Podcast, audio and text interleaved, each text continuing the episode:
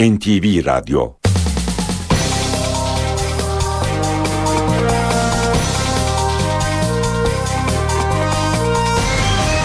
İşe Giderken Mutlu sabahlar. Ben Aynur Altunkaş. Bugün 17 Mayıs Cuma işe giderkenle karşınızdayız. Saat 9'a kadar Türkiye ve dünya gündemindeki gelişmeleri, gazete manşetlerini, piyasa verilerini, yol ve hava durumlarını aktaracağız. Gündemin öne çıkan başlıklarıyla işe giderken başlıyor. Başbakan Erdoğan Washington'da Amerika Başkanı Barack Obama ile 6 saat arayla iki görüşme yaptı. Görüşmelerin gündeminde başta Suriye, terörle mücadele ve Başbakanın Gazze ziyareti vardı.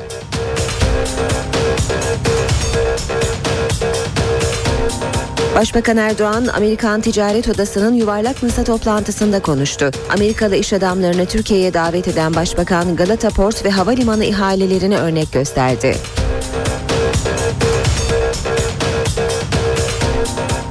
Kredi Derecelendirme Kuruluşu Moody's Türkiye'nin kredi notunu yatırım yapılabilir seviyeye yükseltti.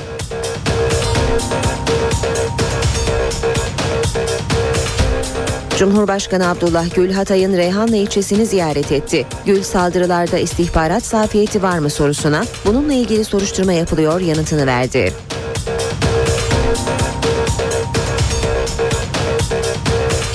Reyhanlı saldırıları ile ilgili tutuklanan zanlılardan birinin bir yıl içinde 400 kez Suriye'ye giriş çıkış yaptığı belirlendi.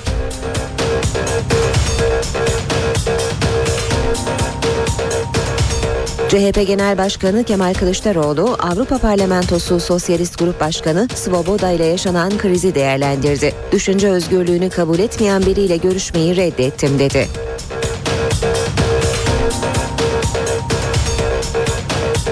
Galata Port adıyla bilinen Salı Pazarı liman sahası için ihale yapıldı. En yüksek teklifi 702 milyon dolarla Doğuş grubu verdi. Profesyonel Futbol Disiplin Kurulu Fenerbahçe Galatasaray derbisinin ardından ceza yağdırdı. Fenerbahçe kalecisi Volkan Demirel'e 5, Meyreleş ve Sabriye'de 4 maç ceza verdi.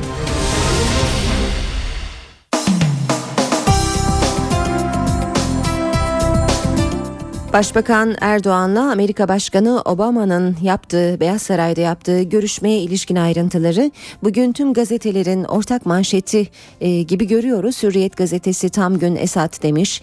Başbakan Erdoğan'la Amerika Başkanı Obama'nın dün iki buçuk saatlik Beyaz Saray görüşmesinde ardından yaptıkları 38 dakikalık basın toplantısında ve akşam birlikte yedikleri yemekte öncelikli gündem Suriye oldu. Güçlü ortaklık vurgusu diyor gazete.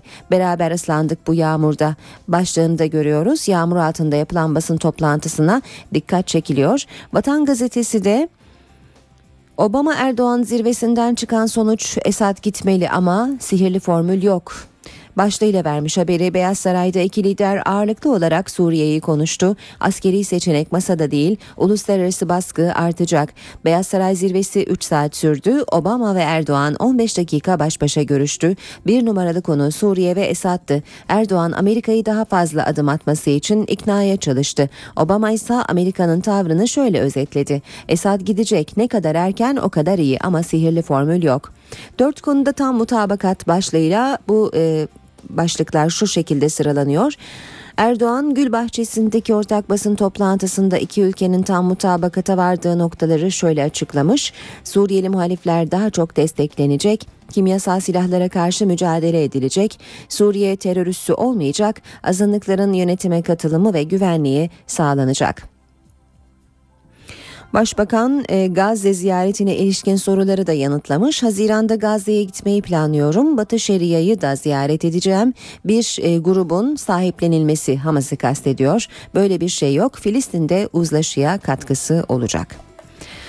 Milliyet gazetesine bakalım. Milliyet'te Esadsız Suriye için uzlaştılar başlığını görüyoruz manşette.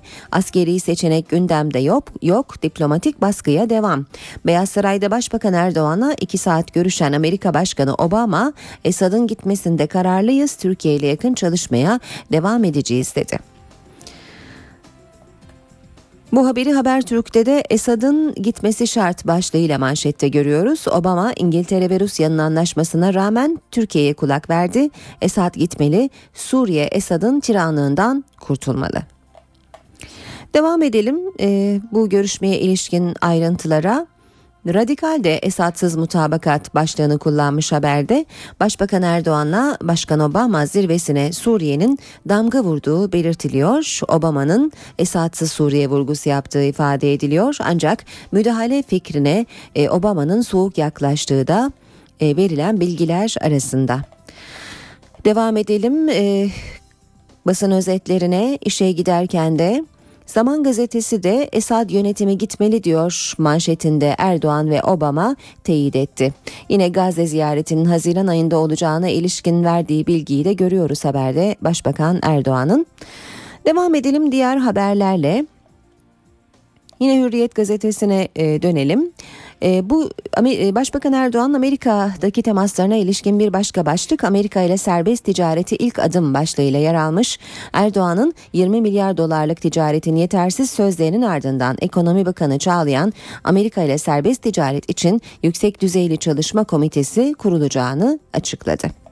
Bir başka haber Trafikte iki dubleye hapis başlığını taşıyor. Trafikte 1,0 promil ve üstü alkollü yakalanan sürücüye yani iki duble rakı ya da dört biraya denk geliyor. İki yıla kadar hapis cezası verilebilecek deniyor haberin ayrıntılarında. Bir başka başlık MIT ve emniyet şüphelileri izliyordu. Cumhurbaşkanı Gül bombalı saldırılarda 51 kişinin yaşamını yitirdiği Reyhanlı'yı dün ziyaret etti. Ölenlerin yakınlarına başsağlığı diledi. Basın özetlerine devam edelim. Milliyet gazetesine bakalım. Milliyet'te Moody's notumuzu fulledi başlıklı haberle devam edelim. Kredi değerlen, derecelendirme kuruluşu Moody's Türkiye'nin kredi notunu yatırım yapılabilir seviyeye taşıdı. Böylece Türkiye Fitch'in ardından Moody's'den de yatırım notu aldı. Not artışına geç kalmış bir karar diye yorumlayan Başbakan Yardımcısı Ali Babacan artık ülkemiz tam anlamıyla yatırım seviyesine sahip bir ülke olarak görülecek dedi. Mart ayında da Standard Poor's Türkiye'nin kredi notunu BB artı düzeyine yükseltmişti. Bir başka haber Galata Port ilk turda doğuşun başlığını taşıyor. İstanbul Salıpazarı liman sahasının yeniden yapılan özelleştirme ihalesini 702 milyon dolarla Doğuş Holding'in kazandığı ifade ediliyor. Reyhanlı bombaları çözülemedi. Ne ipucu var ne parmak izi. Hatay'ın Reyhanlı ilçesinde 51 kişinin öldüğü patlamaların gerçekleştiği bölgeden kaldırılan 4 kamyon molozun kriminal laboratuvarda yapılan incelemesinde patlayıcıların düzeneği hakkında herhangi bir ipucu elde edilemedi. 750 metre uzaklığa kadar hasar yaratan bombaların zaman ayarlımı, uzaktan kumandalı mı olduğu kesinlik kazanmazken inceleme yapılan patlayıcı artıklarında parmak izi de bulunamadı. Yeni Şafak'a bakalım. Yeni Şafak'ta Reyhanlı'nın akil adamı başlığı manşette Cumhurbaşkanı Gül Reyhanlı saldırısında ölen oğlunun acısına rağmen günlerdir Suriyelilere yönelik kışkırtmalara karşı halkı uyaran İbrahim Karakuş'u ziyaret etti.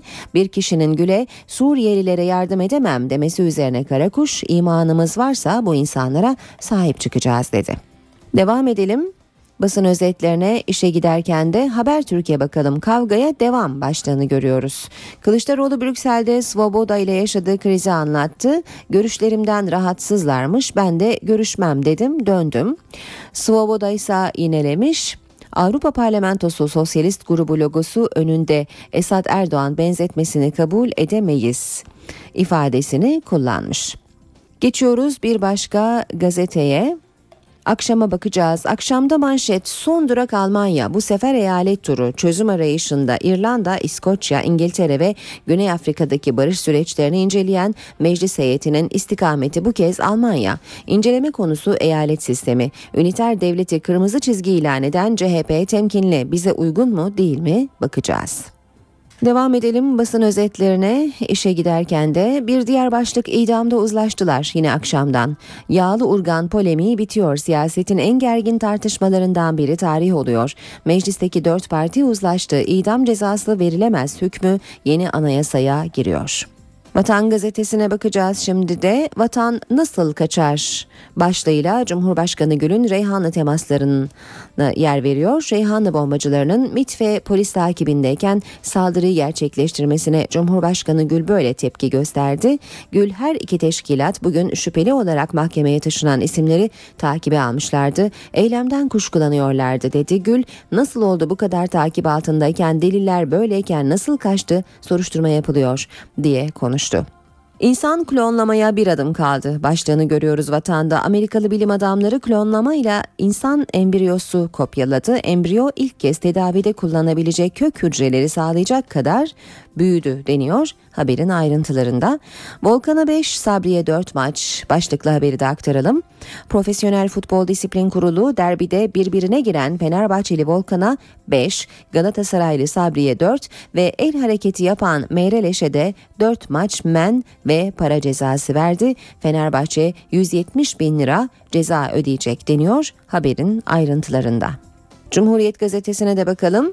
Gazinoya da mescit diyor Cumhuriyet manşette. Çevre ve Şehircilik Bakanlığı'nın yeniden gündeme getirdiği yasa taslağında işhanı, büro gibi umumi ve resmi binalarda, fabrika ve benzeri sanayi tesislerinde, düğün salonu, lokanta, gazino, sinema, tiyatro, müze, kütüphane ve kongre merkezi, yurt binaları, spor tesisleri gibi sosyal ve kültürel yapı ve tesislerinde mescit açılması öngörülüyor.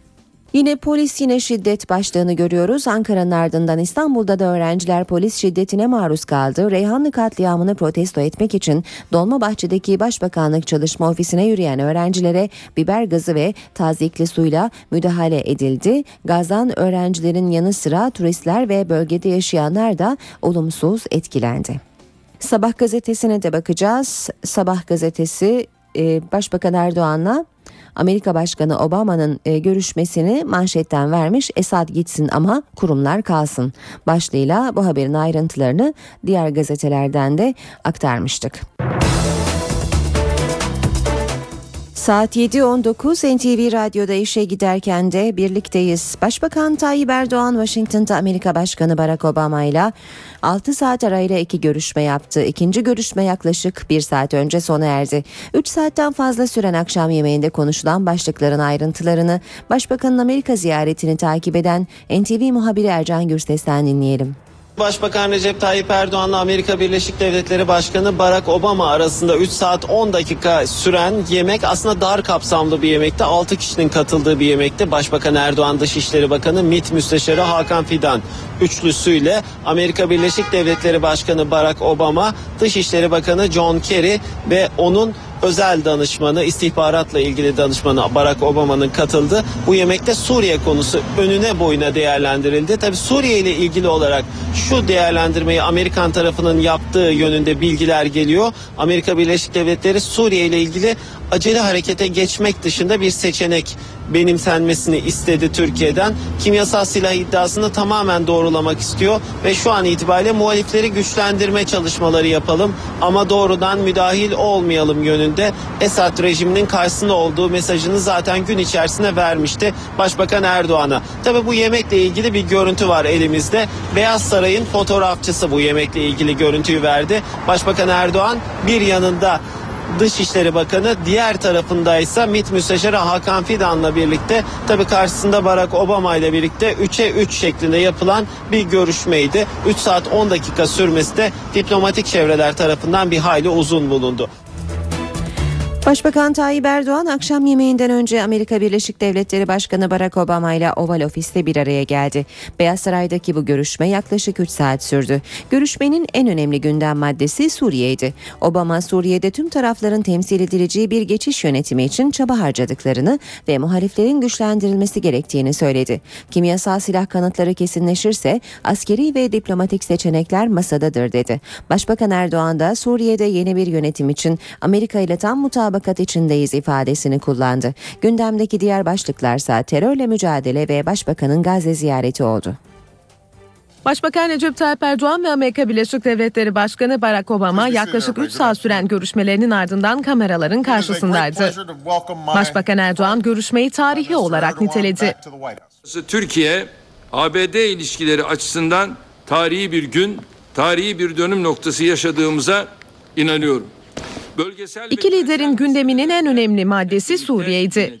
İfade etmeliyim ki Suriye'de kanlı sürecin sonlandırılması, halkın meşru taleplerini karşılayan yeni bir yönetimin inşası konusunda Amerika Birleşik Devletleri ile tam bir mutabakat içerisindeyiz. Bu noktada muhalefetin desteklenmesi ve Esed'in gitmesi Suriye'nin terör örgütlerinin faaliyet sahası olmasının engellenmesi, kimyasal silahların kullanılmasının engellenmesi, bütün azınlıkların güvenliklerinin temin edilmesi öncelikli olarak önem arz etmektedir. Tabii Amerika Birleşik Devletleri kimyasal- Başkanı Barack Obama tüm seçenekler masada mesajı verdi. Suriye'deki kimyasal silahlar bizim müttefiklerimizin, dostlarımızın ve komşuların da uzun dönemde güvenliğini tehdit ediyor. Bu konuda diplomatik ve askeri olmak üzere ilave adımların atılması seçeneklerini saklı tutuyoruz. Suriye'deki şiddet ve sıra dışı durum için sihirli bir formül yok. Olsaydı Sayın Başbakan ve ben bununla ilgili harekete geçerdik ve çoktan bitirmiş olurduk. Bunun yerine yaptığımız şey uluslararası baskıyı artırmak, muhalefeti güçlendirmek. Cenevre'deki görüşmelerin Rusya'nın ve Suriye'de her kesimi içerecek siyasi geçişin temsilcilerinin de katılımıyla sonuç verebileceğini düşünüyorum. but it's not going to be something that the United States does by itself. Uh, and I don't think uh, Başkan Obama Suriye'de tüm grupların dahil olduğu bir yönetim kurmaya çalışacaklarını da vurguladı. Muhalefeti ve hükümeti bir araya getirmeye çalışacağız. Bağımsız bir Suriye için tüm etnik dini grupların dahil olduğu bir ülke inşa etmek için çalışacağız. Bu tüm ülkelerin çıkarına özellikle Türkiye'nin. uh, uh, Gündemdeki bir diğer konuysa terörle mücadeleydi. Obama teröre çözüm sürecini övdü. Türkiye'yi çok uzun süredir rahatsız eden PKK şiddetine yönelik tarihi ve barışçıl çözüm arayışları konusunda siz ve Türk halkının cesaretine yönelik övgülerimi iletmek istiyorum. Amerika Birleşik Devletleri sizin uzun süredir aradığınız güvenlik konusunda yanınızda durmaktadır. Türkiye'nin hukukun üstünlüğü, iyi yönetim ve insan haklarının muhafazasına yönelik çabalarını destekleyeceğiz. extraordinary generosity. Başbakan Erdoğan basın toplantısında Haziran ayında Gazze'ye gideceğini de söyledi. Ancak Erdoğan bu ziyarette Filistin yönetiminin bulunduğu Batı Şeria'yı ziyaret Evet. edeceğini vurguladı. Gazze ile ilgili soruya gelince benim şu andaki planımda büyük ihtimalle Haziran ayı içerisinde bir Gazze ziyaretimiz söz konusu. Ziyaret sadece Gazze'ye olmayacak. Aynı zamanda Batı Şeria'ya da bir ziyaret gerçekleşecek. Orta Doğu'nun barışında bu ziyaretimizi çok önemsiyorum. Ve özellikle de burada tabii bir grubun sahiplenilmesi gibi bir şey olamaz. Ve bunun Filistin uzlaşı sürecine de katkı getirmesini, katkı vermesini özellikle çok çok e, benimsiyorum. Başbakan Erdoğan Obama ile akşam yemeğine geçmeden önce Amerikan Ticaret Odası'nın yuvarlak masa toplantısında konuştu. Amerikalı iş adamlarını Türkiye'ye davet eden Başbakan Galata Port ve Havalimanı ihalelerini örnek gösterdi. Başbakan ihalelerdeki rakamları veren firmalar için zaman zaman aramızdan böyle çılgın Türkler çıkar ifadesini kullandı. Başbakan Recep Tayyip Erdoğan'ın Amerika Birleşik Devletleri'ndeki duraklarından biri de Amerikan Ticaret Odası'nın yuvarlak masa toplantısıydı. Toplantıya Amerika Birleşik Devletleri Başkan Yardımcısı Joe Biden, Ekonomi Bakanı Zafer Çağlayan ve Coca-Cola CEO'su Muhtar Kent de katıldı.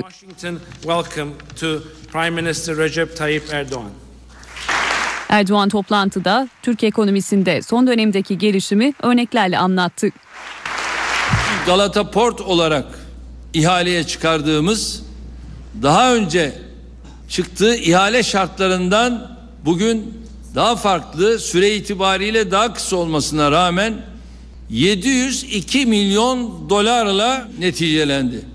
Bu da yine Türkiye'nin şu anda hangi konumda olduğunu gösteriyor. Kısa bir süre önce İstanbul Havalimanı'nın ihalesi yapıldı. Bu havalimanı da yine 22 milyar 152 milyon avro ile neticelendi.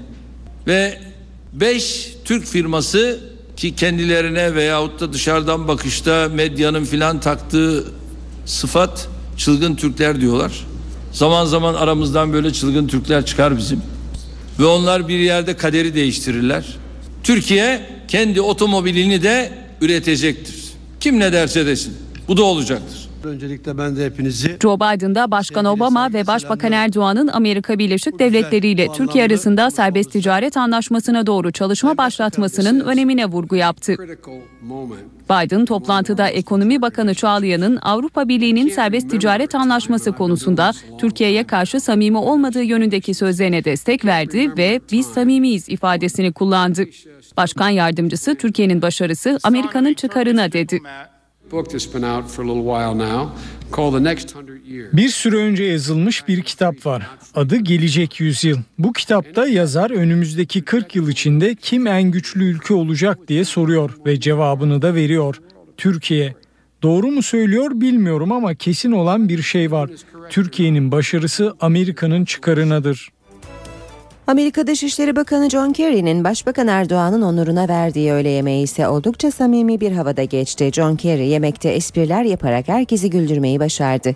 Kerry'nin gündeminde Amerikan elçiliğine düzenlenen saldırıda hayatını kaybeden Mustafa Akarsu da vardı. Amerikan Dışişleri Bakanı John Kerry'nin Başbakan Recep Tayyip Erdoğan ve Türkiye için bakanlık binasında verdiği öğle yemeği sıcak bir karşılamayla başladı. Dos lunas arasun dasunes. Konuşmasına Türkçe başlayan Kerry, Amerikan Dışişleri Bakanlığı'nı üstlenmesinin ardından iki ay içerisinde Türkiye'ye üç ziyaret gerçekleştirdiğini hatırlattı. I've been there three times already and to put that in perspective, I have been home only twice.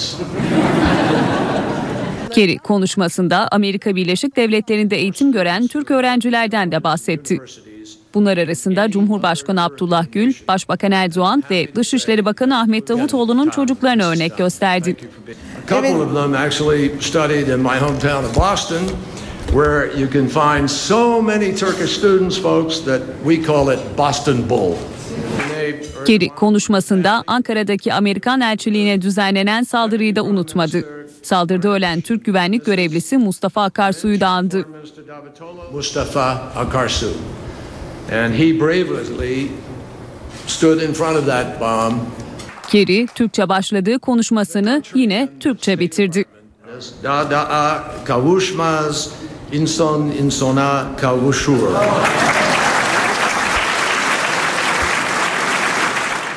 Amerikan Başkan Yardımcısı Joe Biden ise davetlilere Başbakan Erdoğan'ın rahatsızlığı sırasında İstanbul'daki evine yaptığı ziyaretten bahsetti. And so I say to my American friends, you uh, cannot understand the true meaning of hospitality. ABD Kongresi'ne vardığınızda bu defa sizleri Kanuni Sultan Süleyman'ın portresi selamlar. Hukuk devletinin tesisine katkıda bulunan diğer 22 tarihi liderin resimleriyle birlikte Temsilciler Meclisi toplantı salonunda asılı duran bu portre esasen iki milletin sahip olduğu değerlerin de bir nişanesidir. Başkan yardımcısı Başbakan Erdoğan ise iki ülke arasındaki tarihi ilişkilerin izlerine Washington'ın birçok bölgesinde rastlamanın mümkün olduğunu bu sözlerle anlattı. Başbakan John Kerry'nin Türkiye'ye yaptığı ziyaretlerden duyduğu memnuniyeti ise esprili bir şekilde dile getirdi. gençlikleri inanıyorum ki bizim de dinamizmimizi artırıyor. Başbakan Erdoğan Washington'da Amerika Başkanı Barack Obama ile 6 saat arayla iki görüşme yaptı. Görüşmelerin gündeminde başta Suriye, terörle mücadele ve Başbakanın Gazze ziyareti vardı.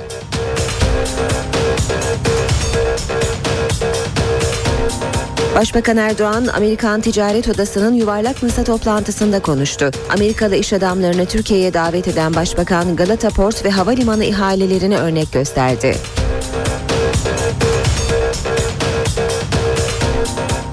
Kredi Derecelendirme Kuruluşu Moody's Türkiye'nin kredi notunu yatırım yapılabilir seviyeye yükseltti.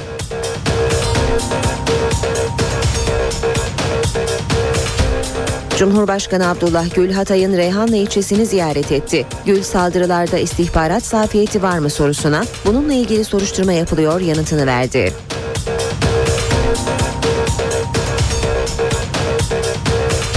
Reyhanlı saldırıları ile ilgili tutuklanan zanlılardan birinin bir yıl içinde 400 kez Suriye'ye giriş çıkış yaptığı belirlendi.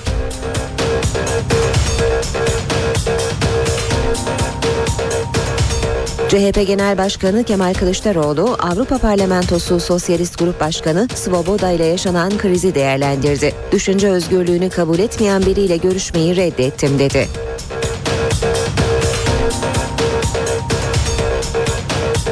Galata Port adıyla bilinen Salı Pazarı liman sahası için ihale yapıldı. En yüksek teklifi 702 milyon dolarla Doğuş grubu verdi.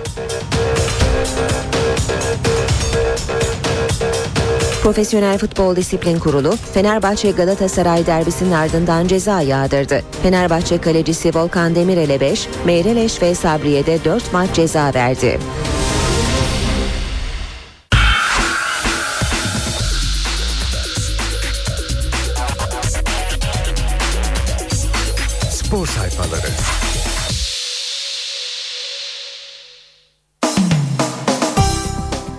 Haberleri aktarmaya milliyetle başlayacağız. Milliyet gazetesi kavgaya ağır fatura diyor. Disiplin kurulu Fenerbahçe Galatasaray derbisinde kavga eden Volkan Demirel'e 5 Sabri Sarıoğlu'na ise 4 maç. Yine saha kenarında el hareketi yapan Meyreleş'e de 4 maç ceza verdi. Kurul Sarı Lacivertli kulübe de 170 bin lira ceza kesti. Beşiktaş'a para cezası var. Profesyonel Futbol Disiplin Kurulu Beşiktaş Gençler Birliği maçında taraftarın neden olduğu saha olaylarına da para cezası verdi. Kuruldan yapılan açıklamaya göre Beşiktaş AŞ'nin taraftarlarının neden olduğu saha olayları nedeniyle takdiren 15 bin lira para cezasıyla cezalandırılmasına karar verildi. Futbol benim tutkum. Cimbom'un yıldızı Didier Drogba başarısının sırrını böyle açıklamış. Dünyaca ünlü fil dişi sahilli krampon futbolcu olduğu için kendisini çok şanslı hissettiğini söyledi. Benim için mesele asla maddiyat değil çünkü futbol benim tutkum dedi. Görünmez bir kaza oldu Galatasaray'ın antrenmanında. Cimbom'un dün Florya'da yaptığı antrenmanı 3000 taraftar izledi. Drogba idmanın ilgi odağıydı ancak görünmez bir kazaya uğradı. Güvenliği atlatarak sahaya giren bir taraftar fil dişi sahilli oyuncuya tam sarılmak üzereyken ayağa kayınca yere düştü. Taraftarla sert şekilde çarpışan Drogba acı içinde yerde kaldı. Bu sırada eliyle beni değiştirin işareti yapan dünyaca ünlü golcü sağlık ekibinin müdahalesinin ardından çalışmaya kaldığı yerden devam etti. Bir diğer başlık Aysal noktayı koydu. Galatasaray Başkanı ırkçılık polemiğinin bitirilmesi gerektiğini belirterek bunu kaza olarak görelim. Zaten kültürümüzde böyle bir şey yok diye konuştu. Müthiş takas. Fenerbahçe Krasiç'i transfer listesine alan Napoli'den Gökhan İnler'i istedi. Sarı lacivertliler Aykut Kocaman'ın ilk hedefi olan bu transfer için bir miktar parayı da gözden çıkarırken görüşmelerin büyük hızla devam ettiği bildirildi. Devam ediyoruz. Spor haberleri aktarmaya işe giderken de Tedavi cezalar diyor Milliyet'teki haberin başlığı. Spor psikoloğu Doktor Ceren Tokdemir futboldaki şiddetin genel şiddet artışının göstergesi olduğunu söyledi. Tedavi ise acil, etkili önlemler ve şu durumda bireysel, can yakıcı ve anında uygulanabilir cezalardır dedi. Sabah gazetesinin spor sayfalarına bakacağız. Şimdi de okuyacağımız ilk başlık. Aslan e, Terim'le Aslan yuvasında. Fatih Terim Galatasaray'ın gerçeklerini anlatmış. Fazla transfere gerek yok. Bir e, stoper ve bir sol bek alacağız. Kampa yetiştirmek istiyoruz. Kampı kaçıran oyuncunun toparlanması zaman alıyor. Oyuncularım iyi bir tatili hak etti. Sezonu Temmuz başında açacağız. Bazı isimlerle yollarımızı ayıracağız. Çok transfer yapmayı düşünmüyoruz. Bir sol bek bir de stoper alacağız. Yabancıya sınır getirmenin anlamı yok. Fatih Terim'in e, sözlerinden başlıkları bu şekilde sıralıyor Sabah gazetesi de. Bu arada hemen belirtelim e, Galatasaray'ın antrenmanı ile ilgili olarak dün çok fazla e, haber görüyoruz bugün gazetelerde. Bu antrenman sırasında Fatih Terim'in gazetecilerle yaptığı e, konuşmanın da başlıkları yine gazetelerin spor sayfalarında yer buluyor. Özel fotoğraflar da var yine e, bu antrenmandan. Bir başka ba- e, başlık hesap 13 maç. Derbi kavgacıları Volkan'a 5, Sabriye ise 4 maç ceza veren Profesyonel Futbol Disiplin Kurulu Meyreleş'i de 4 maçtan men etti. Toplam fatura 13'ü bulurken Fenerbahçe'ye 170 bin lira ceza kesildi. Bir günde iki mesaj ırkçılık iddiaları için dün önce unutalım gitsin diyen Aysal tepkiler üzerine bir açıklama daha yaptı. Aysal ırkçılık iddiaları ile ilgili dün öğlen kaza olarak görelim ve unutalım dedi. Taraftarın tepkisi üzerine akşam Türkiye Futbol Federasyonu ve ilgili kulüp tehlikenin farkında değil ifadesini kullandı. Yine Sabah gazetesinden aktaracağız. Çifte kriz, istifa eden Tamer Kıran'ın görevine dönmesinin gündeme gelmesi de siyah beyazlı yönetimi ikiye böldü. Beşiktaş'ta Önder Özen'le anlaşılması camiada tepkiyle karşılandı. Yağmalar açık arttırmada. İnönü Stadı'nın hatıraları internetten satışa çıktı. Bir taraftar stat'tan söktüğü tarihi tabloya 750 lira fiyat biçti. Yine sabahtan okuyalım. Bir taşla iki kuş. Ee, az önce Gökhan İnler'le ilgili e, haberi aktarmıştık size Milliyet gazetesinden Fenerbahçe'nin peşine düştüğü futbolcu ile ilgili olarak sabah da e, bir taşla iki kuş başlığıyla yer veriyor habere. Fenerbahçe Gökhan İnler'e karşı Napoli'ye Krasic artı 5 milyon euro önerecek deniyor haberin ayrıntılarında. Devam ediyoruz yine Sabah gazetesinden aktarmaya. Eyvallah der giderim. Tolunay Kafkas yeni seçilecek yönetim beni istemez istemezse giderim demiş. Kimsenin adamı değilim. Trabzonspor kulübünün adamıyım. Benimle çalışıp çalışmaması gelecek kişinin tasarrufundadır. Saygıyla karşılarım açıklamasını yapmış. Devam edelim spor haberlerine Hürriyet gazetesine Bakalım şimdi de Hürriyet'ten okuyacağımız ilk başlık ırkçılık kazayla o gün o stada düşmüştür. Ünal Aysal'ın açıklamalarını Hürriyet'te görüyor. Profesyonel Futbol Disiplin Kurulu'nun cezalarını ağır e, fatura ağır oldu başlığıyla Hürriyet'te sayfalarına taşımış. Bu kupayı alırdık başlığını görüyoruz. Aykut Kocaman Benfica ile Chelsea arasındaki UEFA Avrupa Ligi finalini izlerken hayıflandı. Kazanacak gücümüz vardı demiş Aykut Kocaman. Fenerbahçe'yi eleyen Benfica'nın Chelsea'ye 2-1 yenildiği UEFA Avrupa Ligi finalini üzüntüyle izleyen Aykut Kocaman finalde olsak iki takımı da yenebilirdik açıklamasını yapmış. 5 yabancı yolcu başlığı yine Fenerbahçe sayfasından yeni transferlere yer açmak isteyen Sarı Lacivertliler de gidecekler belli oldu. Kocaman'ın raporu doğrultusunda takviyeler stoper, sol bek, orta saha ve forvete yapılırken kadrodaki lejyonerlerden Bienvenu, Krasic, Stoh, Ziegler ve Yobo'yla da yollar ayrılacak. Yine Hürriyet gazetesinden e, bir başlıkla devam edelim. Ufukta Efes Cimbom finali görünüyor. Potada playoff hava atışı bugün yapılıyor. Yarışta iki takım öne çıkıyor. Normal sezonu ilk iki sırada bitiren e, Arroyolu Galatasaray'la Farmar liderliğindeki Anadolu Efes finale kalmak adına rakiplerinden bir adım önde. Fenerbahçe ve Beşiktaş'ın işi kolay değil değerlendirmesini okuyoruz. Hürriyette ve son başlık Paris Saint Germain'den Ronaldo'ya 100 milyon euro. Fransa Lig 1'de şampiyonluğa ulaşan Paris ekibinden Real Madrid'in süper yıldızına dudak uçuklatan teklif gelmiş. Bitiriyoruz böylece spor haberlerini. Gündemde öne çıkan gelişmelere bakmaya devam edelim. İşe giderken. Cumhurbaşkanı Abdullah Gül bombalı saldırılarda 51 kişinin hayatını kaybettiği Hatay'ın Reyhanlı ilçesini ziyaret etti. Olay yerini inceleyen Cumhurbaşkanı yaralılarla yakından ilgilendi. Cumhurbaşkanı Gül'e saldırılarda istihbarat zafiyeti var mı sorusu soruldu. Abdullah Gül bu tür olayların 99 tanesini önlersiniz bir tanesi elden kaçar. Nasıl oldu da kaçtı bununla ilgili soruşturma yapılıyor yanıtını verdi. Sakın bu oyunlara hiç gelmeyelim. Gün bugündür sağduyulu olma günüdür. Birlik, beraberlik, dayanışma içinde olma günüdür. Cumhurbaşkanı Abdullah Gül, bombalı saldırının yaşandığı Hatay'ın Reyhan ilçesinde. Cumhurbaşkanı saldırının hesabının sorulacağını söyledi.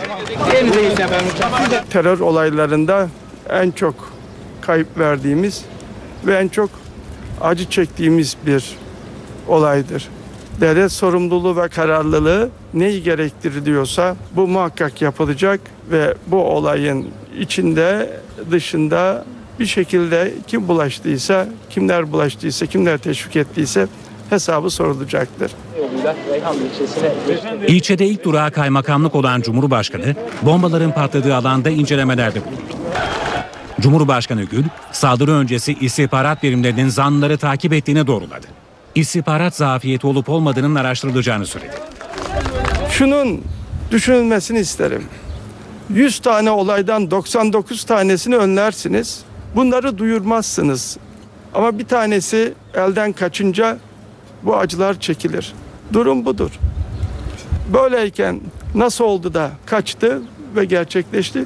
Bununla ilgili de bütün çalışmalar, incelemeler, araştırmalar, soruşturmalar da tabii ki yapılıyordur.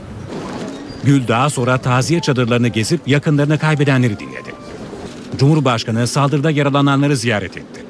Polis ve jandarma Cumhurbaşkanı için alarmdaydı. Ziyaret boyunca köpekler bomba araması, helikopterler keşif yaptı. Cumhurbaşkanı Gül'ün de belirttiği gibi Reyhanlı saldırısına ilişkin istihbarat zafiyeti iddiaları araştırılıyor.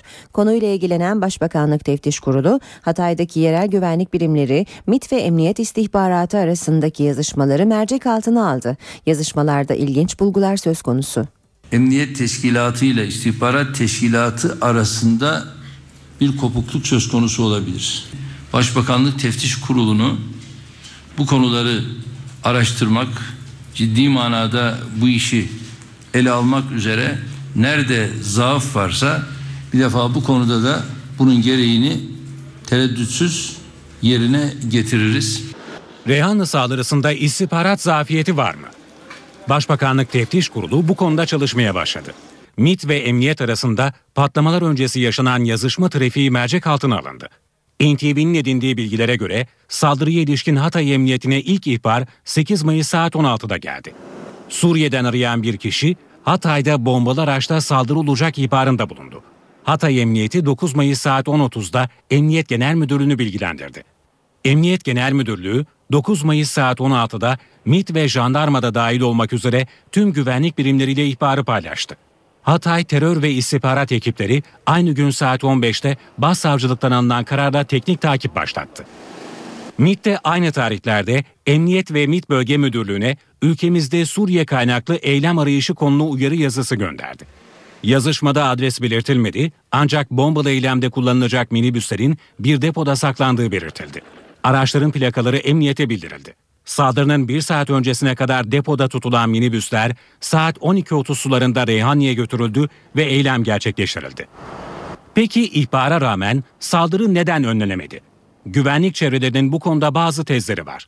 Buna göre istihbarat servisleri arasındaki yazışmaların gecikmesi tezlerden biri. Diğeri ise saldırı yeri olarak son ana kadar Ankara'nın ön plana çıkması. Eylemi planlayanların güvenlik birimlerini bilinçli olarak Ankara'ya yönlendirmiş olabileceğine de dikkat çekiliyor. Reyhanlı saldırısı ile ilgili önemli gelişmeler var. Saldırıyı organize etmekle suçlanan Nasır E'nin bir yıl içinde 400 kez Suriye'ye giriş çıkış yaptığı belirlendi. Ayrıca zanlıların ifadelerinde saldırı öncesine ait önemli ayrıntılar söz konusu. Reyhanlı saldırısının zanlıları olaydan iki hafta önce Ankara'da keşif yaptı. Saldırı hazırlıkları bir ay önce başladı.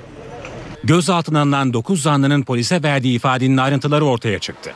Zanların ifadelerine göre saldırının bir numaralı faili Nasır'e yaklaşık bir ay önce İstanbul Harbiye'de bir yılına depo kiraladı.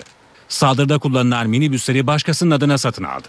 Ardından araçlara bombaların yerleştirileceği gizli bölmeler yapıldı. Saldırının iki numaralı faili olan ve Suriye'ye kaçtığı belirtilen Yusuf Bey ile Nasır E araçları kaportacı Mehmet Bey'e götürdü. Mehmet Bey ifadesinde minibüslere 250'şer litrelik yedek depo yapılmasının istendiğini söyledi. Bana sigara ve viski kaçakçılığı yapacaklarını söylediler. İki araca takılacak depolar için 3 bin lira karşılığında anlaştım. Deponun şase kısmını ortalayacak ve T şeklinde olmasını istediler. Zanlı Ahmet Bey'in ifadesinde Konya ve Ankara'nın da hedefler arasında olabileceği yönünde bilgiler yer aldı. Yusuf Bey beni aradı. Ankara'ya araba almaya gideceğini söyledi. Beni de götürmek istediğini söyledi. Hatay'dan gece 01'de yola çıktık. Önce Konya'ya uğradık. Bir alışveriş merkezinde fotoğraflar çekti. Sonra Ankara'ya geçtik. Kocatepe Camisi'nin önüne aracı park ettik. Sürekli fotoğraf çekti. Caminin altında biraz dolaştıktan sonra araba satın almadan Hatay'a döndük. Suriye ordusunda üst düzey asker olduğu öne sürülen Ethem Kot'un önce bombayı ardından da ateşleyici düzeneyi Nasır E aracılığıyla Türkiye'ye ulaştırdığı iddia edildi. Saldırının organizatörü olduğu belirtilen Nasıre'nin son bir yıl içinde 400 kez Suriye'ye giriş çıkış yaptığı da belirlendi. NTV Radyo Günaydın herkese yeniden. Yeni saatte Gökhan Abur'la hava durumunu konuşarak gireceğiz. Önce gündemin başlıklarını hatırlatalım. Başbakan Erdoğan, Washington'da Amerika Başkanı Barack Obama ile 6 saat arayla iki görüşme yaptı. Görüşmelerin gündeminde başta Suriye, terörle mücadele ve Başbakanın Gazze ziyareti vardı.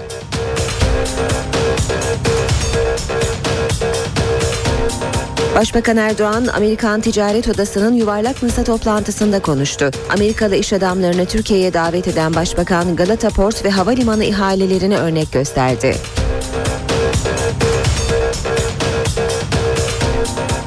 Kredi Derecelendirme Kuruluşu Moody's Türkiye'nin kredi notunu yatırım yapılabilir seviyeye yükseltti.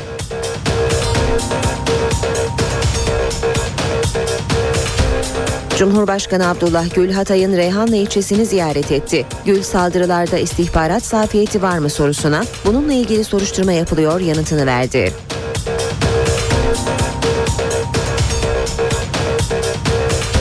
Reyhanlı saldırıları ile ilgili tutuklanan zanlılardan birinin bir yıl içinde 400 kez Suriye'ye giriş çıkış yaptığı belirlendi.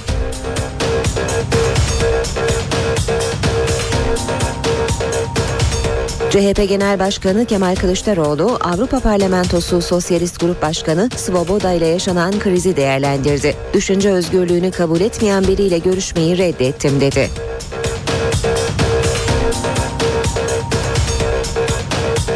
Galata Port adıyla bilinen Salı Pazarı liman sahası için ihale yapıldı. En yüksek teklifi 702 milyon dolarla Doğuş grubu verdi. Profesyonel Futbol Disiplin Kurulu Fenerbahçe Galatasaray derbisinin ardından ceza yağdırdı. Fenerbahçe kalecisi Volkan Demirel'e 5, Meyreleş ve Sabriye'de 4 maç ceza verdi. Ve hava durumu için Gökhan Abur yanımızda. Günaydın Sayın Abur. Günaydın. Yine cuma, yine hafta sonu geldi. E, yurtta olumsuz bir hava olayı bekliyor muyuz bugün ve o hafta geçtiğimiz, sonu için? Geçtiğimiz günlerde gördüğümüz e, kuvvetli sağanaklar, dolu yağışları, hortumlar yok. E, batı ya yeni bir yağış havanın etkisi altına girdi ama bu yağışlar çok uzun süreli değil. Hafif e, çisentiler şeklinde. Şu an itibariyle Marmara'nın güneyinde ve doğu kesimlerinde yağış hafif olarak devam ediyor. İç kesimlerde İç Ege'de, Kütahya'da, Afyonkarahisar'da hafif yağış var ve özellikle göller bölgesi diye isimlendirdiğimiz Burdur Isparta'da hafif yağış devam ediyor. Sabah erken kalkanlar İstanbul'un da özellikle Boğaz Anadolu yakası hemen hemen İstanbul'un tümünde hafif bir yağışta uyanmışlardır. Yağış etkisini giderek kaybediyor fakat akşam saatlerinde yeniden bulutlanmanın artmasını ve akşama doğru yine hafif olarak İstanbul'un kuzey ve doğu ilçelerinden başlayarak kısa süreli yağışların başlamasını bekliyoruz. Bu yağışlar yarın sabah erken saatlerde de görülecek ama yarın gün boyu hava genellikle parçalı bulutlu olacak ve sıcaklık yükselmesini sürdürecek. Pazar günü Marmara bölgesinde e, bulutlanma artıyor. Çünkü Trakya'da yağış bekliyoruz fakat İstanbul'da yağış büyük olasılıkla yok çünkü bulutlanma varsa da yağış görülmeyecek. Ama Trakya'da aralıklarla yağış var ve Doğu Akdeniz'de aralıklı, İç Anadolu'da hafif, doğuda ise yine yer yer kuvvetli yağışlar pazar günü devam edecek. Yarın ise e, bakıyorum Ege ve Trakya'da yağış yok. Marmara'nın güney ve doğusunda hafif yağışlar görülecek. Karadeniz, İç Anadolu'nun doğusu ve doğuda ise yine yarın, hafif yağışlar var. Tabi rüzgarlar güneye dönüyor. Rüzgarların güneye dönme sıcaklıkları yükseltirken özellikle Akdeniz ve Ege'ye çöl tozlarını taşımaya başladı. Onun için zaman zaman yağış olmasa da özellikle sabah erken saatlerde e, bu bölgelerde Ege'de Akdeniz'de hafif puslu bir hava olacak. Hem pus olacak pusun içinde de yer yer çöl tozları etkili olacak. Güneydoğu'da da çöl tozu taşınımı etkisini arttırmaya başladı. Evet ülke genelde bizleri bekleyen hava koşulları genelde böyle. Teşekkür ediyoruz. Gökhan Abur bizimleydi. Gazeteler bugün Başbakan Erdoğan'la Amerika Başkanı Obama'nın Beyaz Saray'daki e, görüşmesini öne çıkarmışlar. Pek çok gazetede bu görüşme manşetten duyurulmuş. Sabahta Esad gitsin ama kurumlar kalsın başlığıyla görüyoruz haberi. Başbakan Erdoğan'la Amerika Başkanı Obama Suriye diktatörünün kaderi konusunda aynı görüşte. Esad'ın gitmesinde kararlıyız, ortak çalışacağız. Vatanda da haberi sihirli formül yok başlığıyla görüyoruz. Beyaz Saray'da iki lider ağırlıklı olarak Suriye'yi konuştu. Askeri seçenek masada değil uluslararası baskı artacak. Obama Erdoğan zirvesinden çıkan sonuç Esad gitmeli ama sihirli formül yok. Mutabakata varılan e, dört konuyu şöyle sıralıyor e, Vatan Gazetesi. Başbakan Erdoğan'ın e, bu şekilde açıkladığını söylüyor. Suriyeli muhalifler daha çok desteklenecek, kimyasal silahlara karşı mücadele edilecek, Suriye teröristi olmayacak, azınlıkların yönetime katılımı ve güvenliği sağlanacak. Başbakanın Gazze'ye yapmayı planladığı ziyaret de görüşmenin gündemindeydi. Başbakan açıklık getirdi bu ziyarete. Haziranda Gazze'ye gitmeyi planlıyorum. Batı Şeria'yı da ziyaret edeceğim. Bir grubun Hamas'ı kastediyor. Sahiplenilmesi diye bir şey yok. Filistin'de uzlaşıya katkısı olacak. Ortak basın toplantısında yağmur bastırınca iki denizci şemsiyesi e, şemsiye e, iki denizci şemsiye açtı. Obama ben takım elbisemi değiştiririm ama başbakan değiştiremez diye espri yapmış. Devam edelim yine e, Başbakanın Obama ile yaptığı görüşmeye ilişkin ayrıntılara bakalım milli e, gazetelerden. Milliyette de Esadsız Suriye için uzlaştılar. Başlığını görüyoruz. Askeri seçenek gündemde yok. Diplomatik baskıya devam diyor Milliyet. Hürriyet gazetesi de haberi tam gün Esad başlığıyla manşetten vermiş. Başbakan Erdoğan'la Amerika Başkanı Obama'nın dün iki buçuk saatlik Beyaz Saray görüşmesinde ardından yaptıkları 38 dakikalık basın toplantısında ve akşam birlikte yedikleri yemekte öncelikli gündemin Suriye olduğu ifade ediliyor. Gazetelerden başlıklara devam edelim. Radikal'de de Esadsız mutabakat başlığını manşette görüyoruz. Erdoğan-Obama görüşmesine Suriye'nin damga vurduğu ve Obama'nın Esadsız Suriye vurgusu yaptığı ancak müdahale fikrine soğuk yaklaştığı ifade ediliyor. Zaman gazetesi haberi Esad yönetimi gitmeli başlığıyla vermiş. Erdoğan ve Obama'nın ortak görüşünün görüşünü bu cümleyle özetliyor e, Zaman Gazetesi. Haber Türkiye'de bakalım. Haber Türk'te de Esad'ın gitmesi şart başlığını manşette görüyoruz. Obama İngiltere ve Rusya'nın anlaşmasına rağmen Türkiye'ye kulak verdi diyor. Haber Türk Esad gitmeli Suriye Esad'ın tiranlığından kurtulmalı. Diğer haberlere bakalım şimdi de Cumhuriyet'le devam edelim. Gazinoya da mescit diyor Cumhuriyet manşette. Çevre ve Şehircilik Bakanlığı'nın yeniden gündeme getirdiği yasa taslağında iş ana büro gibi umumi ve resmi binalarda, fabrika ve benzeri sanayi tesislerinde, düğün salonu, lokanta, gazino, sinema, tiyatro, müze, kütüphane ve kongre merkezi, yurt binaları, spor tesisleri gibi sosyal ve kültürel yapı ve tesislerinde mescit açılması öngörülüyor. Akşamda manşet son durak Almanya bu sefer eyalet turu. Çözüm arayışında İrlanda, İskoçya, İngiltere ve Güney Afrika'daki barış süreçlerini inceleyen meclis heyetinin istikameti bu kez Almanya. İnceleme konusu eyalet sistemi. Üniter devleti kırmızı çizgi ilan eden CHP temkinli. Bize uygun mu değil mi bakacağız. Devam edelim basın özetlerine işe giderken de hürriyete bakalım. Hürriyetten aktaracağımız bir diğer başlık. MIT ve emniyet şüphelileri izliyordu. Cumhurbaşkanı Gül bombalı saldırılarda 51 kişinin yaşamını yitirdiği Reyhanlı'yı dün ziyaret etti. Ölenlerin yakınlarına başsağlığı diledi. Belediye önünde konuşan Cumhurbaşkanı kaosun Türkiye'ye taşınmasına izin vermeyeceğiz. Kirli işleri yapanların tek amacı bizim aklı selimi kaybetmemiz. Bu oyunlara gelmediğimiz için sizi tebrik ediyorum. Emniyet ve MIT koordineli halde şüphelileri takip ediyordu dedi. Milliyet gazetesinden haberlerle devam edelim. Moody's notumuzu fulledi. Kredi Derecelendirme Kuruluşu Moody's, Türkiye'nin kredi notunu yatırım yapılabilir seviyeye taşıdı. Böylece Türkiye Fitch'in ardından Moody's'den de yatırım notu aldı. Not artışını geç kalmış bir karar diye yorumlayan Başbakan Yardımcısı Ali Babacan, artık ülkemiz tam anlamıyla yatırım seviyesine sahip bir ülke olarak görülecek dedi. Galata Port ilk turda Doğuş'un İstanbul Salı Pazarı liman sahasının yeniden yapılan özelleştirme ihalesini 702 milyon dolarla Doğuş Holding kazandı.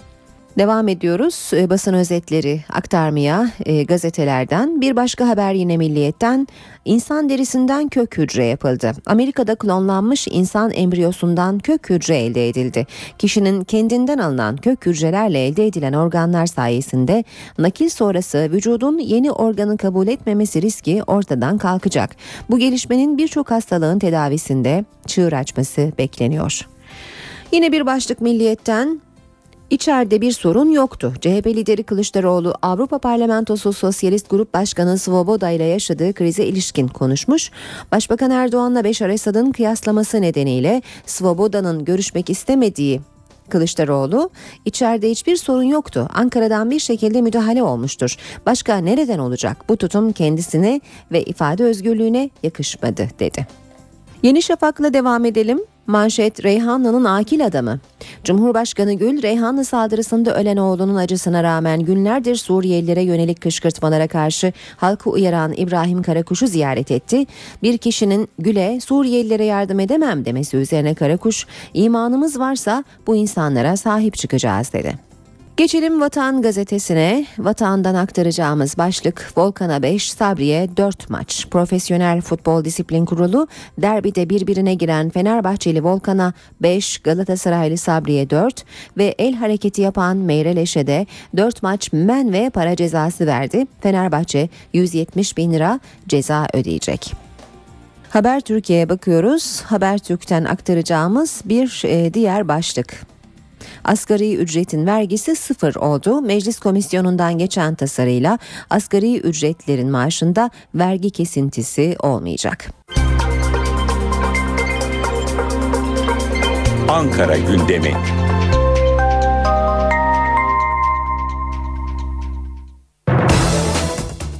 Saat 8.21 olmak üzere NTV Radyo'da işe giderken başkent gündemiyle devam edecek. Karşımızda NTV Ankara muhabiri Miray Aktağ Uluç var.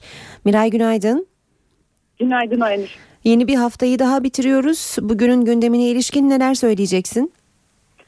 Haftanın son iş gününde başkenti Ankara'nın aslında sakin bir gündemi olduğunu söyleyebiliriz ama Başbakan Recep Tayyip Erdoğan'ın Amerika Birleşik Devletleri ziyareti başkentte de yakından takip ediliyor. Cumhurbaşkanı Abdullah Gül bugün Ankara dışında olacak. Memleketi Kayseri'yi ziyaret edecek. Cumhurbaşkanı Gül rutin programı kapsamında Kayseri Valiliğini ziyaret edecek ve ardından kendi adını taşıyan Abdullah Gül Üniversitesi'ne gidecek. Türkiye Büyük Millet Meclisi Başkanı Cemil Çiçek de Gençlik ve Spor Bakanı Suat Kılıç'la birlikte bugün bir programa katılacak. 81 kentten gelen gençlik heyeti temsilcilerini bugün Türkiye Büyük Millet Meclisi'nde kabul edecek. Ana muhalefette bugün MYK toplanıyor. Merkez Yönetim Kurulu'nun toplantısı saat 11'de başlayacak. Genel Başkan Kemal Kılıçdaroğlu bu toplantının ardından Çankaya Belediyesi'nin hizmet binası açılış törenine katılacak ve orada da bir konuşma yapmasını bekliyoruz. CHP lideri Kemal Kılıçdaroğlu'nun. AK Parti Genel Başkan Yardımcısı ve Parti Sözcüsü Hüseyin Çelik de bugün bir basın toplantısı düzenleyecek. AK Parti Genel Merkezi'nde ve gündeme ilişkin önemli değerlendirmeler yapmasını bekliyoruz. Ee, Hüseyin Çelik'e yine bu gündemdeki konulara ilişkin sorular sorulacak. Ve bakanların programına gelince Çalışma ve Sosyal Güvenlik Bakanı Faruk Çelik, Sosyal Güvenlik Kurumu bünyesinde oluşturulan SGK TV'nin açılışına katılacak ve başkentteki son notta Gençlik ve Spor Bakanı Suat Kılıç'ın programından Ünilik ve Uluslararası Gençlik Kısa Film Festivali'nin ödül törenine katılacak ve bizler de gün boyunca bu başlıkları başkent Ankara'dan aktaracağız Aynur. Miray teşekkürler kolay gelsin. Gündemde öne çıkan diğer gelişmelere bakalım. Cumhuriyet Halk Partisi Genel Başkanı Kemal Kılıçdaroğlu dün Türkiye'ye döndü ve Brüksel'de Avrupa Parlamentosu Sosyalist Grup Başkanı Svoboda ile Erdoğan'ı Beşar Esad'a benzetmesiyle ilgili yaşanan krizi değerlendirdi.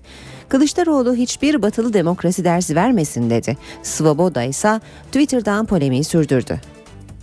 İstanbul Barosu yargılanıyor. Bunu yapan adamın Esad'dan ne farkı var? 1 Mayıs gösterileri. İnsanlar yoğun bakımda can savaşı veriyorlar. Yapan kim? Recep Tayyip Erdoğan. Senin Esad'dan ne farkın var? CHP lideri Kemal Kılıçdaroğlu, Başbakan Recep Tayyip Erdoğan'ı Beşar Esad'a benzettiği açıklamasının ardından Avrupa Parlamentosu Sosyalist Grup Başkanı Hannes Svoboda ile yaşadığı gerginliği değerlendirdi. Kılıçdaroğlu ifade özgürlüğü konusunda tepkilerini anlattı. İkili görüşmeyi Svoboda'nın değil kendisinin iptal ettiğini söyledi.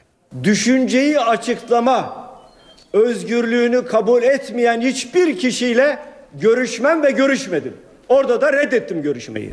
Hiçbir batılı bize kusura bakmasın demokrasi dersi veremez. Asla kabul etmeyiz. Biz demokrasi batının lütfuyla kazanmadık. Avrupa Parlamentosu Sosyalist Grup Başkanı Anne Svoboda'dansa farklı yönde bir açıklama geldi. Anne Svoboda bir internet sitesinde yaptığı açıklamada sorunun çözümü için bir bildiri yayınlanması önerisini CHP'nin kabul etmemesi üzerine dünkü görüşmenin gerçekleşmediğini söyledi. CHP istediği her şeyi söyleyebilir ancak davetli olduğu bir yerde Avrupa Parlamentosu Sosyalist grubunun logosunun arkasında konuşulduğu zaman bazı kurallara uyulması gerekiyor dedi. Svoboda Twitter'da paylaştığı mesajında da Kılıçdaroğlu'nun Başbakanı Esad'a benzeten açıklaması için çizgiyi geçti ifadesini kullandı. Uluslararası Kredi Derecelendirme Kuruluşu Moody's, Türkiye'nin kredi notunu yatırım yapılabilir seviyeye yükseltti. Moody's, Türkiye'nin notunu bir not arttırarak BAA3'e yani yatırım yapılabilir seviyeye yükseltti. Konuyla ilgili yazılı bir açıklama yapan Başbakan Yardımcısı Ali Babacan, Moody's'in kararını geç kalmış bir karar olarak değerlendirdi. Babacan, ekonomide attığımız doğru adımlar sayesinde ülkemizin uluslararası piyasa göstergeleri uzun süredir yatırım seviyesinde kredi notuna sahip sahip ülkelere benzer düzeylerde bulunmaktaydı. Karar piyasa göstergeleriyle kredi notumuzu biraz daha yaklaştırmıştır şeklinde konuştu. Galata Port adıyla bilinen Salı Pazarı liman sahası için ihale yapıldı. En yüksek teklifi 702 milyon dolarla Doğuş grubu verdi. İhalemiz bu şekilde teknik olarak sonuçlanmış bulunmaktadır. Salı Pazarı liman sahası ya da kamuoyunda bilinen ismiyle Galata Port için yapılan ihalede en yüksek teklifi Doğuş Holding verdi. Türkiye Denizcilik İşletmelerine ait Salı Pazarı liman sahasının işletme hakkının 30 yılına devralınması için teklif edilen rakam 702 milyon dolar. İhaleye 5 firma katıldı. Kapalı zarfla teklif alarak yapılan ilk iki turda Polimex Folkart Sembol Ortak Girişim Grubu ve Torunlar Gayrimenkul Yatırım Ortaklığı elendi. Elemeli turda 375 milyon dolarla başlayan teklif rakamı 525 milyon dolara yükseldi. İhale komisyonu 3 firmanın yarışacağı açık artırma için başlangıç bedelini ise 701 milyon dolar olarak belirledi. Açık artırma teklif sunulmadan önce molalarla başladı. Molaların ardından ilk teklifi Doğuş Holding verdi. 702. Doğuş Holding'in 702 milyon dolarlık teklifinin ardından Asim Alarko ve Global Yatırım Özak Gayrimenkul Delta Proje Ortak Girişim Grubu teklif vermeyerek ihaleden çekildi. Böylece ihaleyi kazanan Doğuş Holding oldu. Akdeniz'in en önemli 10 kruvaziyer limanından biri olan Salı Pazarı liman sahasına otel ve sosyal tesisler yapılabilecek. Hem yenilenen hem de e, yeni baştan yapılacak olan e, gerek kruvaziyer limanı e, gerek oteller ve alışveriş merkezlerinden ofis binalarından oluşacak yaklaşık 130 bin metrekarelik bir inşaat düşünüyoruz. 3 e, yıl içinde tamamlanmak üzere düşünüyoruz. Bunun e, öngördüğümüz yatırım bedeli 350 ila 400 milyon dolar arasında olacağını tahmin ediyoruz, öngörüyoruz. Doğuş Holding CEO'su Hüsnü Hakan, Salı Pazarı bölgesinin tarihi dokusunun korunacağı bir proje geliştireceklerini söyledi. Bu marka kentimize biz de marka değerine daha da değer katacak İstanbul'umuza, Türkiye'mize, ülkemize yakışır bir projeyle e, umut ediyorum. Önümüzdeki günlerde kamuoyunun karşısına çıkacağız. Doğuş Holding bedelin %20'sini peşin, kalan bedeli 4 yıl vadeyle taksitle ödeyecek. BIST 100 endeksi 165 puan azalarak %0,18 oranında değer kaybetti ve 91.946 puandan günü tamamladı. E, Moody's'den gelen not artırımının piyasalara etkisini bugün göreceğiz. Şu anda serbest piyasada dolar 1.82, euro 2.34'ten işlem görüyor. Euro dolar 1.29, dolar yen 102 düzeyinde. Altının onsu 1379 dolar, kapalı çarşıda külçe altının gramı 84 lira. Cumhuriyet altını 569, çeyrek altın 141 liradan işlem görüyor. Brent petrolün varili 103 dolar.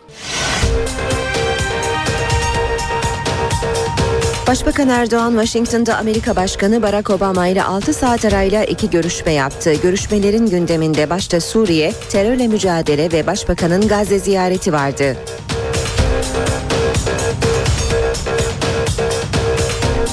Başbakan Erdoğan, Amerikan Ticaret Odası'nın yuvarlak masa toplantısında konuştu. Amerikalı iş adamlarını Türkiye'ye davet eden Başbakan Galata Port ve havalimanı ihalelerini örnek gösterdi.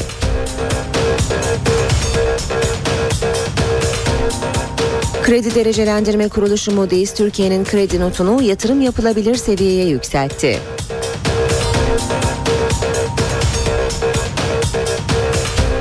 Cumhurbaşkanı Abdullah Gül Hatay'ın Reyhanlı ilçesini ziyaret etti. Gül saldırılarda istihbarat zafiyeti var mı sorusuna bununla ilgili soruşturma yapılıyor yanıtını verdi.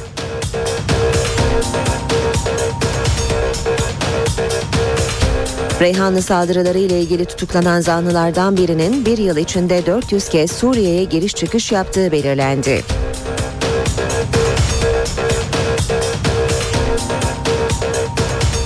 CHP Genel Başkanı Kemal Kılıçdaroğlu, Avrupa Parlamentosu Sosyalist Grup Başkanı Svoboda ile yaşanan krizi değerlendirdi. Düşünce özgürlüğünü kabul etmeyen biriyle görüşmeyi reddettim dedi.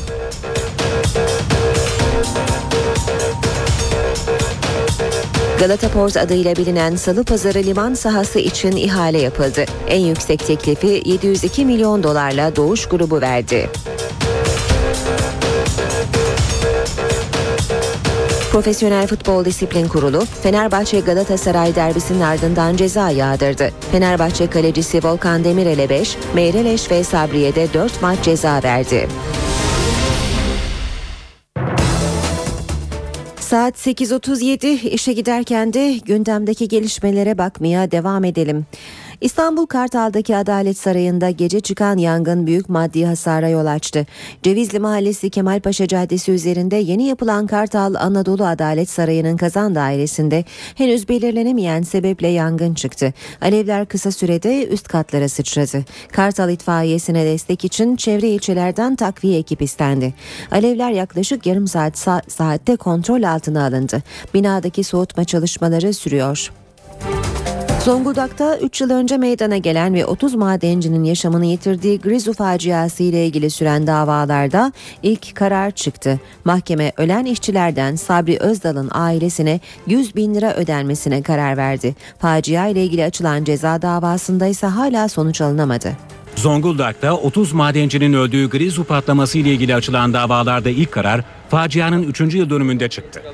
Mahkeme ölen işçilerden Sabri Özdal'ın ailesine 100 bin lira ödenmesini hükmetti. Türkiye Taş Kömürü Kurumu Karadon Maden Ocağı'nda 17 Mayıs 2010'da galeri açma işlemi sırasında patlama olmuş, göçük altında kalan 30 madenci yaşamını yitirmişti. Olayın ardından müessese müdürüyle taşeron firma ortaklarının aralarında bulunduğu 28 kişi hakkında birden çok kişinin ölümüne neden olmak suçundan dava açıldı. Davada 3 yıldır sonuç alınamadı. Ölen işçi yakınlarının kurum ve taşeron firma aleyhine açtığı tazminat davalarında ise ilk karar çıktı. Zonguldak 1. İş Mahkemesi iki kurumun göçükte yaşamını yitiren Sabri Özdal'ın eşine 40 bin, iki çocuğuna da 30'ar bin lira tazminat ödemelerine karar verdi. Mahkeme gerekçeli kararın daha sonra açıklanacağını bildirdi. İkinci Ağır Ceza Mahkemesi'nde devam eden ve 28 kişinin tutuksuz yargılandığı ceza davasında 5. bilirkişi raporu bekleniyor.